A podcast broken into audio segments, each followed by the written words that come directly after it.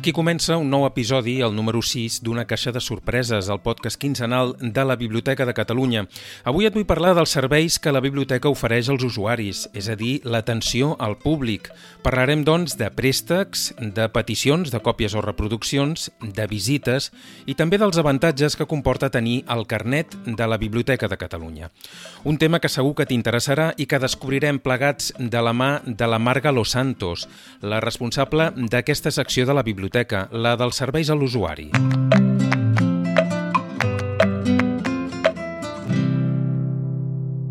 Una caixa de sorpreses, el podcast de la Biblioteca de Catalunya.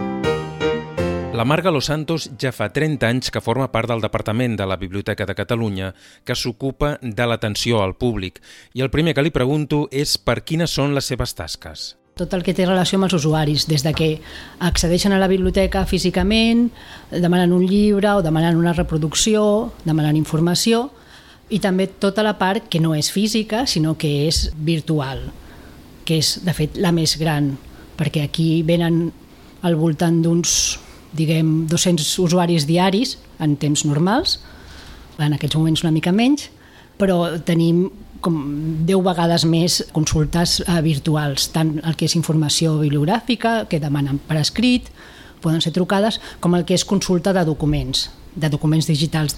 La funció principal d'aquesta secció és que l'usuari de la biblioteca i en general qualsevol ciutadà tingui accés a tot allò que podem trobar a la Biblioteca de Catalunya de la manera més fàcil i còmoda possibles.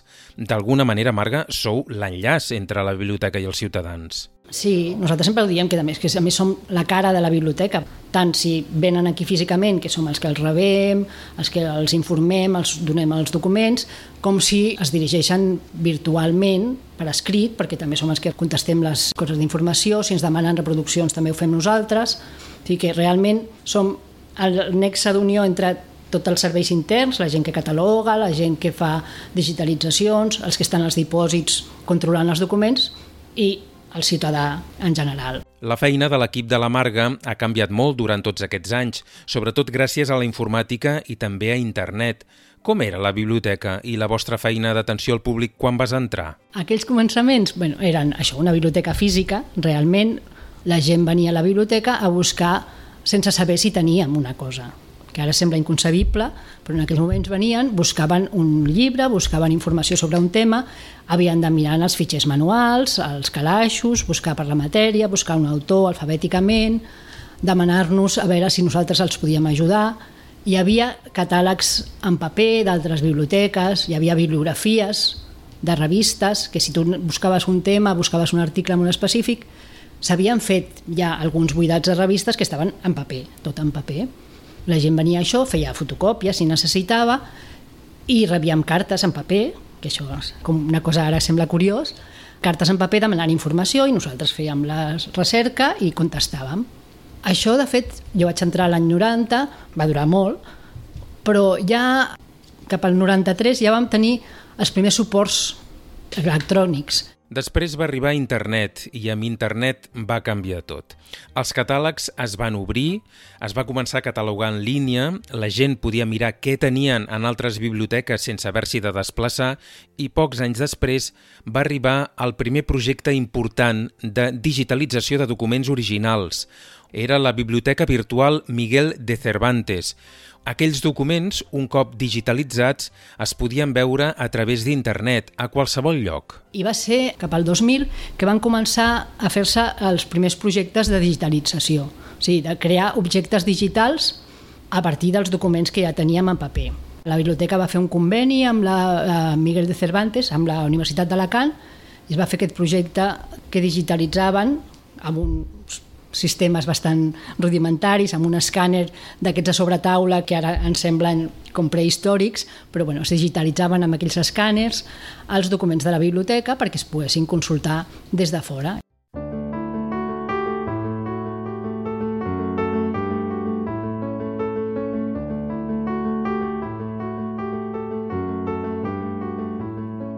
Dins del procés de digitalització que ha tingut lloc a la Biblioteca de Catalunya al llarg dels últims anys, destaca el projecte ARCA.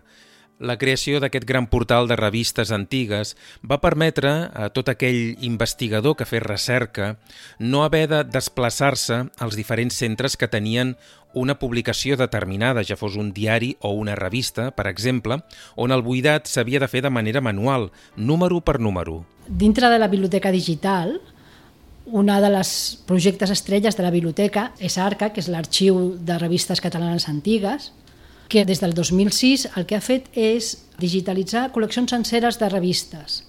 Les revistes catalanes que ja estan tancades, que es van publicar entre el segle XIX, principis del XX, es van digitalitzar no només la, la col·lecció de la biblioteca, que sovint no estava completa, sinó que es va intentar completar amb col·leccions d'altres centres. Sobretot l'Ateneu, que tenia molt, i la Biblioteca Municipal, que és la Casa de l'Ardiaca. Llavors són col·leccions completes que la gent pot consultar i fer cerques a l'interior. L'estadística de consum anual d'Arca, d'aquest arxiu de revistes catalanes antigues, és del voltant d'uns 2 milions de pàgines vistes. Perquè et facis una idea, la consulta de documents físics a la biblioteca és d'uns 50.000 documents a l'any. En aquests moments hi ha unes 400 revistes d'aquest tipus, diguem, com Peliploma o el Boletín d'Estadística de Barcelona, vull dir que són molt variades, són sobretot revistes diguem, culturals, però també hi ha algunes d'aquestes de publicació oficial. La marca Los Santos ens parla d'aquelles publicacions amb més consultes a Arca.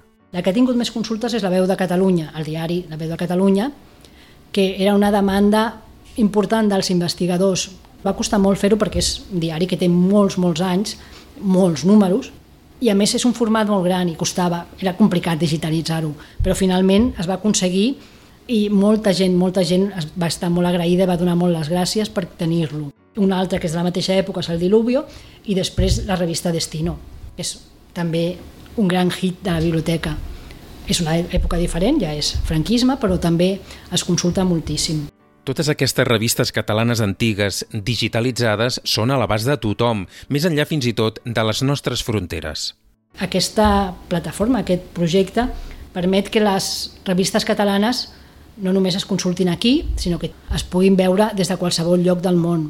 Dona la visibilitat al català i al que és la cultura catalana molt important. Un altre projecte important de digitalització en el qual participa la Biblioteca de Catalunya és la Memòria Digital de Catalunya. Aquí sí que hi ha més de 4 milions d'objectes i hi ha de tot, perquè totes les biblioteques universitàries i biblioteques d'altres centres, centres d'estudis, eh, museus, arxius, eh, centres comarcals, qualsevol entitat que tingui una col·lecció que vulgui donar-li visibilitat pot participar a la memòria digital sempre que la digitalització compleixi uns requisits que ja estan explicats.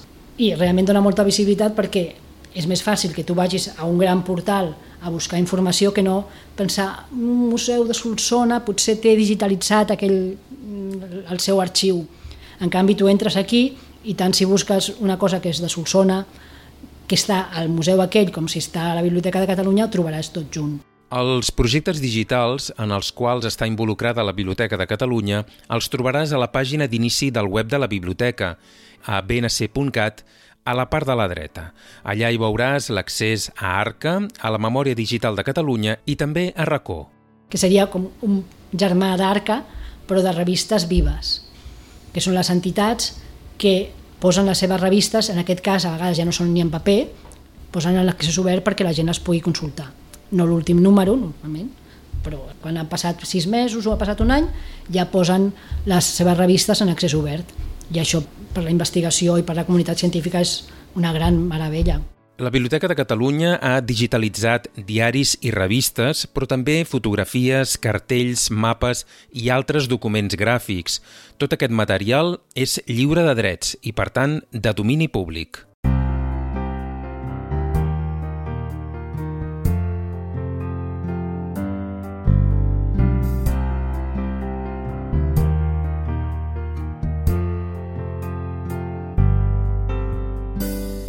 Un dels serveis que ens ofereix la biblioteca és la reproducció dels documents del seu fons. De qualsevol document en podríem demanar una còpia, Marga? En principi de tot, es pot reproduir tot en aquesta biblioteca. sempre tenint en compte el que estava dient dels drets d'autor, un llibre modern no es pot fotocopiar sencer.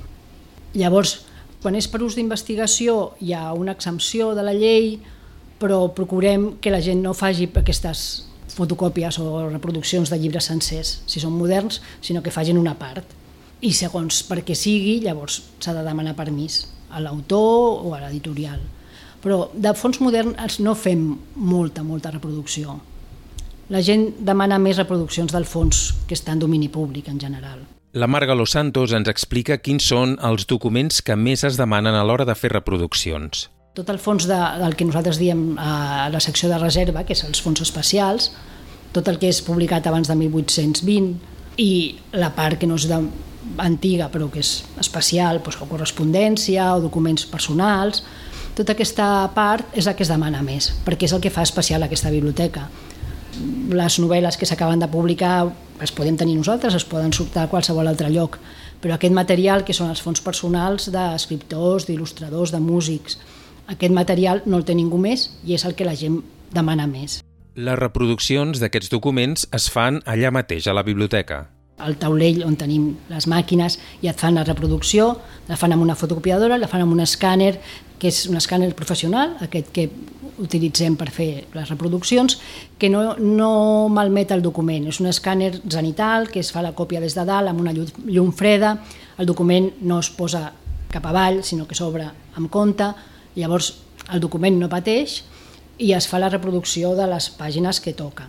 La majoria de les peticions de reproduccions que arriben a la biblioteca ho fan a través d'internet de la gent que ve i demana la reproducció de forma física, diríem, és una part petita. En general el que tenim són peticions per correu electrònic o per un formulari que tenim via web i llavors ens demanen i nosaltres ho enviem, les reproduccions que ens demanen les enviem per WeTransfer, les enviem per internet i això és el, doncs el que fem habitualment.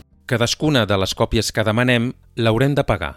Això té un preu, té un preu perquè la gent treballa i les màquines s'han de pagar, el manteniment de les màquines, valen les còpies digitals 30 cèntims per cada imatge i 25 si són en paper, 25 cèntims.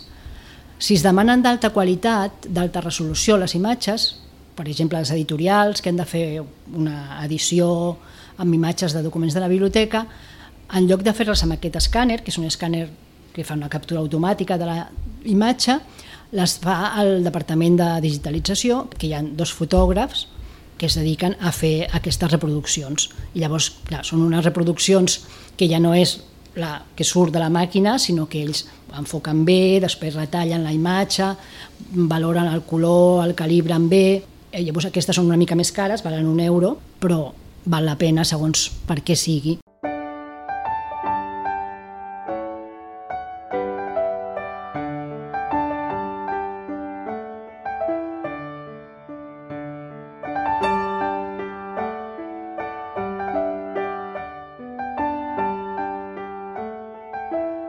Fins ara hem escoltat com funciona el servei de reproducció de la Biblioteca de Catalunya.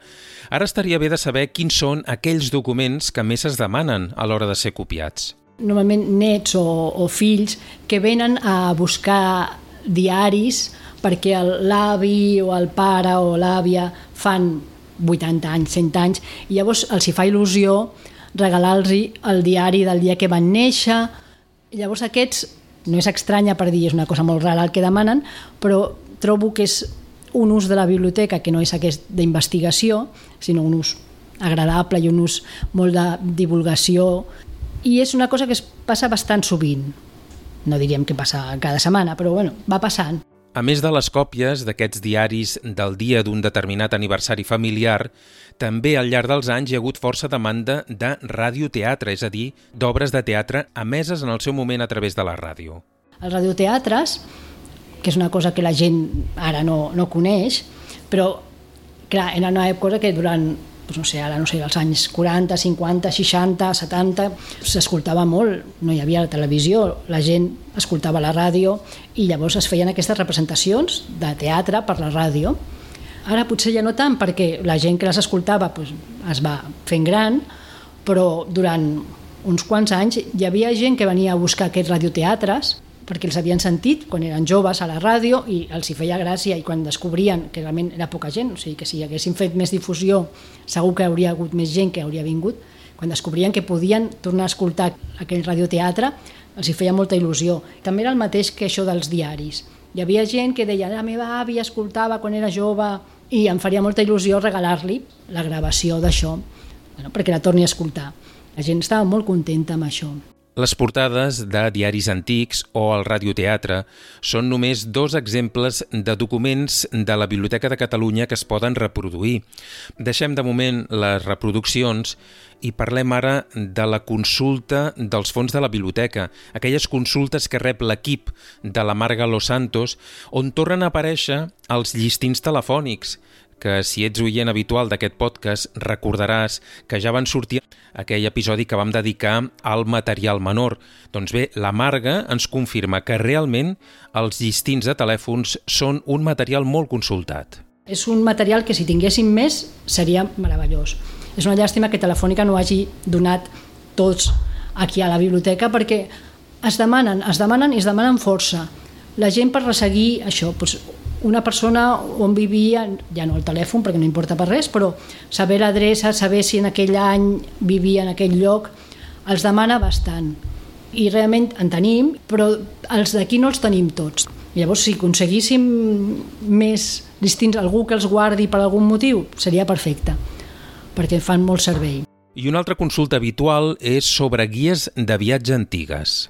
Hi ha tot un material interessant que ens trobem escoles de turisme i de, de guies que han descobert com una font meravellosa en, en nosaltres perquè ells estudien doncs, les guies modernes però no sabien que aquí també teníem moltes guies antigues. Llavors venen molts cops perquè els hi fem aquesta mena d'evolució del turisme des de les primeres Baedekers, la guia Baedeker o l'almanaque per a forasteros, que és del finals del 18, principis del 19, fins a les guies modernes. I llavors amb aquest tipus de documents veiem l'evolució del concepte de turisme, que de fet al principi no era ni turisme, però que, no, que evidentment eren uns llibres que no tenien cap gràfic, cap foto, era text molt atapeït, les informacions que sortien no apareixien als monuments que ara veiem, sinó que sortia esglésies, l'oficina de correus, al transport... Era un concepte totalment diferent. La majoria de les consultes que reben a la Biblioteca de Catalunya són d'usuaris catalans, però també n'hi ha de fora del nostre país. Ens escriuen de llocs molt diversos.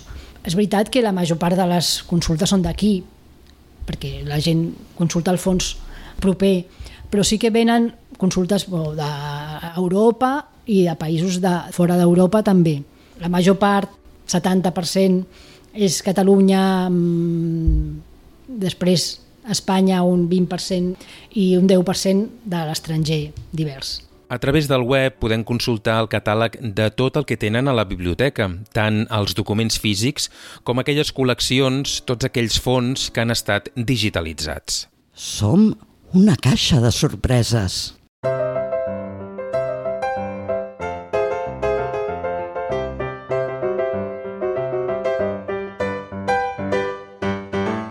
Hem parlat fins ara d'alguns dels projectes de digitalització que s'impulsen des de la Biblioteca de Catalunya o en els quals la biblioteca hi participa activament. També hem parlat del servei de reproduccions, d'alguns dels materials més consultats i ara ja va ser hora de parlar del carnet, el carnet de la Biblioteca de Catalunya. Per entrar a la biblioteca, la Biblioteca de Catalunya té un carnet propi com a Biblioteca Nacional, que no, no és ni el carnet de les biblioteques universitàries ni les biblioteques públiques. Té un carnet que es fa a tothom que necessita consultar la biblioteca. L'únic que es demana, en principi, són tenir 18 anys o 16 si s'està fent el treball de recerca de batxillerat.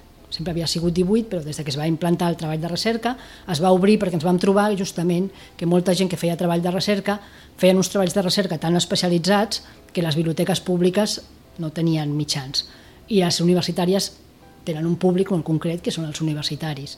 Així es va obrir i tenim doncs, estudiants de batxillerat que venen a fer el seu treball de recerca aquí. Un cop que tenim el carnet, aquest ens permet no només l'accés físic a l'edifici del carrer Hospital, sinó també la consulta als fons i publicacions digitals. El carnet de la biblioteca dona accés a consultar tot el que és el fons de la biblioteca, la biblioteca física, però també aquesta biblioteca digital, tant el que està subscrit per la biblioteca, bases de dades, eh, revistes electròniques, com el que està subscrit conjuntament amb les universitats catalanes. Les universitats catalanes i la Biblioteca de Catalunya formen un consorci des de fa molts anys, des de l'any 96, de fet, que tenen aquestes subscripcions de bases de dades eh, científiques i llavors la gent que té el carnet de la biblioteca pot consultar totes aquestes bases de dades i té accés a aquesta informació, a aquests documents. El carnet també ens dona la possibilitat d'endur-nos algun document en préstec. El préstec, com que nosaltres som una biblioteca de conservació, hem de conservar el patrimoni, només el fem si tenim dos exemplars. Sempre hi ha un exemplar que es queda a la biblioteca de conservació perquè si algú necessita consultar allò d'aquí molt temps, sàpiga que ho trobarà. Però hi ha un altre que surt en préstec, que confiem en que també estarà durant molts anys, però surt en préstec. Llavors, tant si és un mapa o un plànol, una guia de Portugal, com si és una novel·la o un llibre de física. Des del moment que tenim dos exemplars pot sortir. A través del web de la biblioteca podem veure si aquell document que ens interessa es presta o no. El préstec és de 21 dies i es pot renovar fins a 6 vegades. En total, podem agafar en préstec un màxim de 10 documents. Aquesta no és la funció principal de la Biblioteca de Catalunya, però sapigueu que és una modalitat que existeix. Continuem parlant encara dels avantatges de tenir el carnet de la biblioteca. Per exemple, tenim la possibilitat de poder demanar un llibre de la biblioteca d'una universitat. Un altre servei que dona el carnet de la biblioteca és l'accés al PUC. El PUC és el préstec amb les universitats de Catalunya, que funciona des del 2011. Qualsevol persona que tingui el carnet de la Biblioteca de Catalunya pot demanar en préstec per emportar-se a casa els documents que tenen les universitats catalanes i al mateix temps qualsevol persona de les universitats catalanes pot demanar documents de la Biblioteca de Catalunya.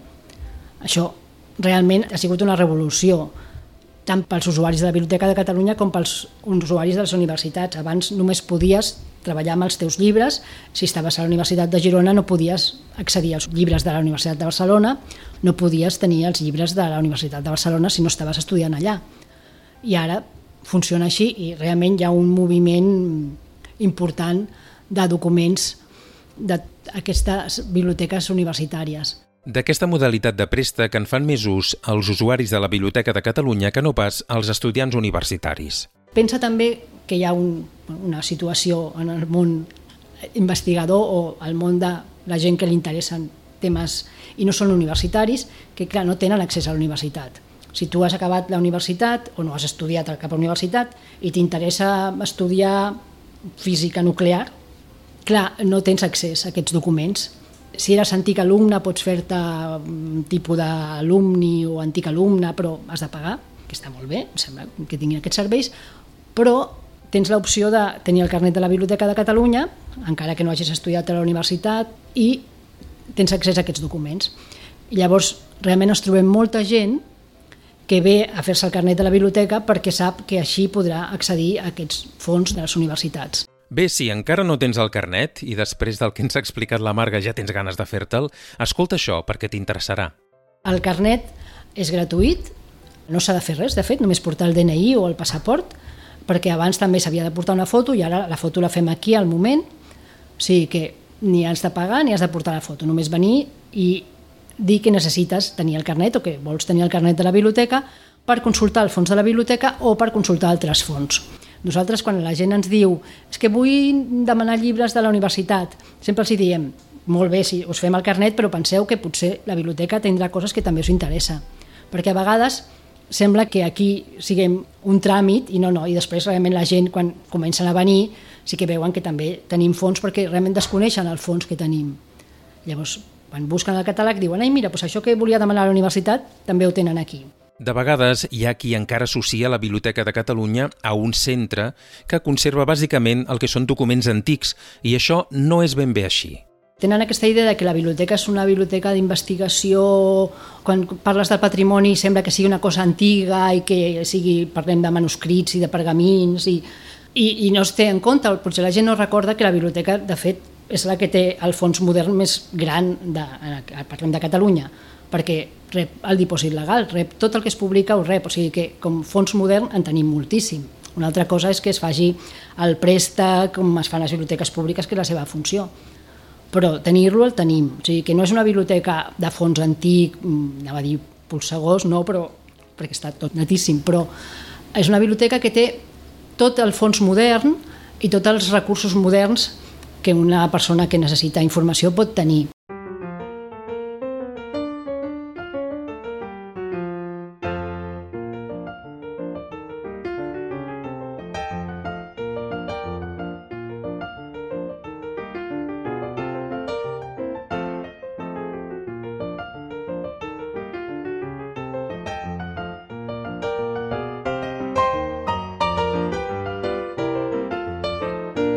Moment ara per parlar del grup de persones que coordina la Marga Los Santos, l'equip que forma la secció de serveis a l'usuari.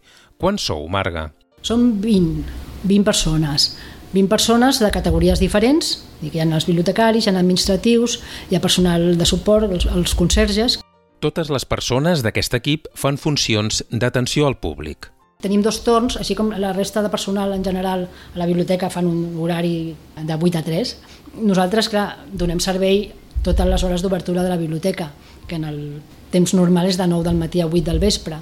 I llavors tenim un torn de matí i un torn de tarda. Hem de cobrir molts espais físics, perquè tenim l'entrada, el taulell d'accés, on es fa aquesta primera entrevista a la gent que ve a fer-se el carnet, i a fer el préstec, que també es gestiona allà. Tenim la sala de reserva, que ara està tancada, però són es consulta tot el fons antic, els fons especials, el taulell general, on la gent ve a demanar informació, a agafar els documents, i després el taulell de, de reprografia, on es fan totes les reproduccions.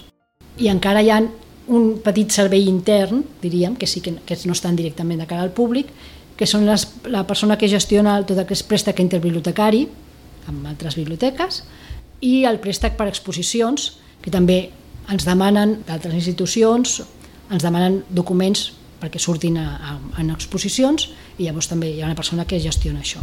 I què és el millor de la teva feina, Marga? La relació amb l'usuari, la relació amb les persones i intentar ajudar-les, intentar trobar allò que busquen. Si no t'agrada el tracte amb el públic, realment no és la secció adequada, perquè el públic és divers això que el nostre públic no tinc queixa, però bueno, sempre hi ha gent que és més agradable i menys agradable i hi ha gent que es posa nerviosa i llavors si no saps reaccionar davant d'una cosa que et demanen que potser no saps trobar no és el lloc, però jo crec que la gent que està aquí justament a mi li agrada molt el tracte amb el públic, tenen paciència, tenen curiositat els serveis a l'usuari de la biblioteca és una secció, com ens deia la Marga Los Santos, on l'equip és molt important i on uns miren d'ajudar els altres. A més, des d'aquest departament, que fa d'anexa d'unió entre l'usuari i la biblioteca, s'estableixen comunicacions constants amb els membres de les altres seccions que formen la biblioteca, ja sigui la secció de música, la de manuscrits o la de material sonor, entre d'altres. A ells els hi deriven aquelles consultes més especialitzades que són resoltes des d'aquests altres departaments amb la màxima agilitat possible.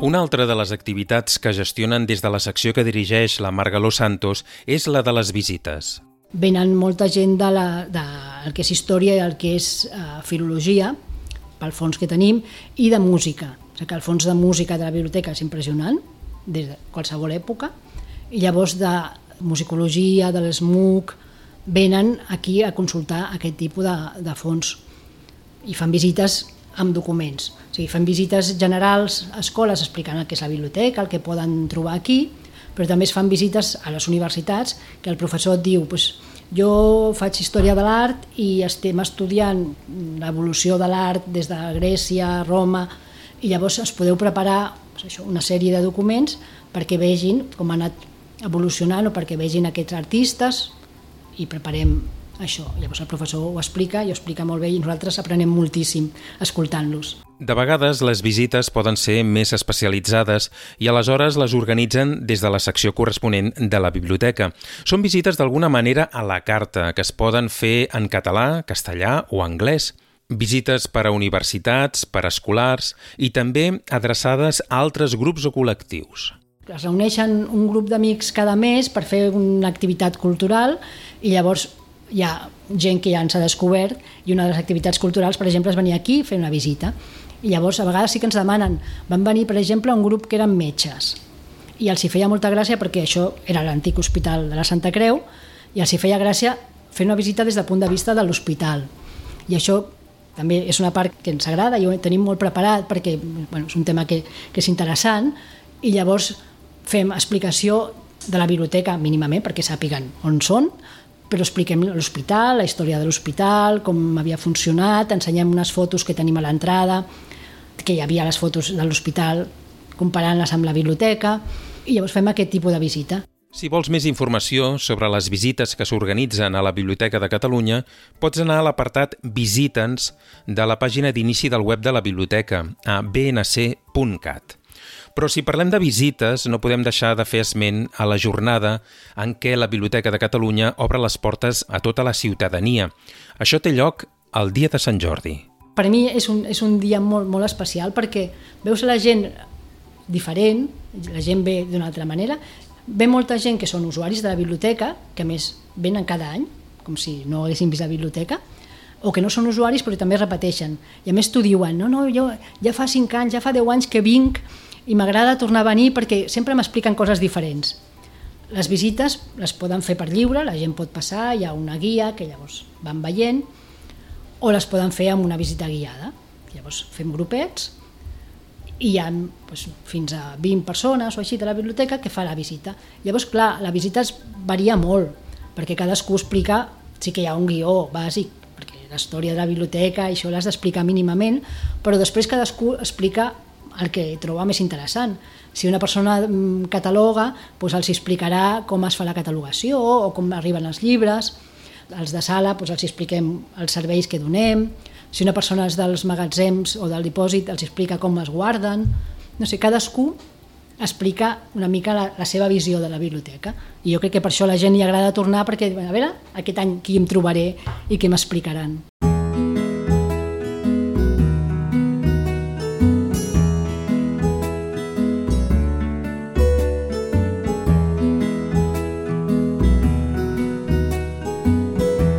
Fins aquí el sisè episodi d'Una caixa de sorpreses, el podcast de la Biblioteca de Catalunya. Si t'ha interessat tot el que ens ha explicat la Marga Los Santos i vols ampliar la informació, t'hem preparat un seguit d'enllaços que trobaràs en l'apartat del podcast de la pàgina web de la biblioteca. L'adreça és bnc.cat barra podcast. I si ens vols escriure per preguntar-nos o comentar-nos qualsevol cosa relacionada amb aquest episodi en concret o amb el podcast en general, ho pots fer a l'adreça de correu electrònic podcast arroba bnc.cat. Moltes gràcies per haver arribat fins aquí i fins al pròxim podcast.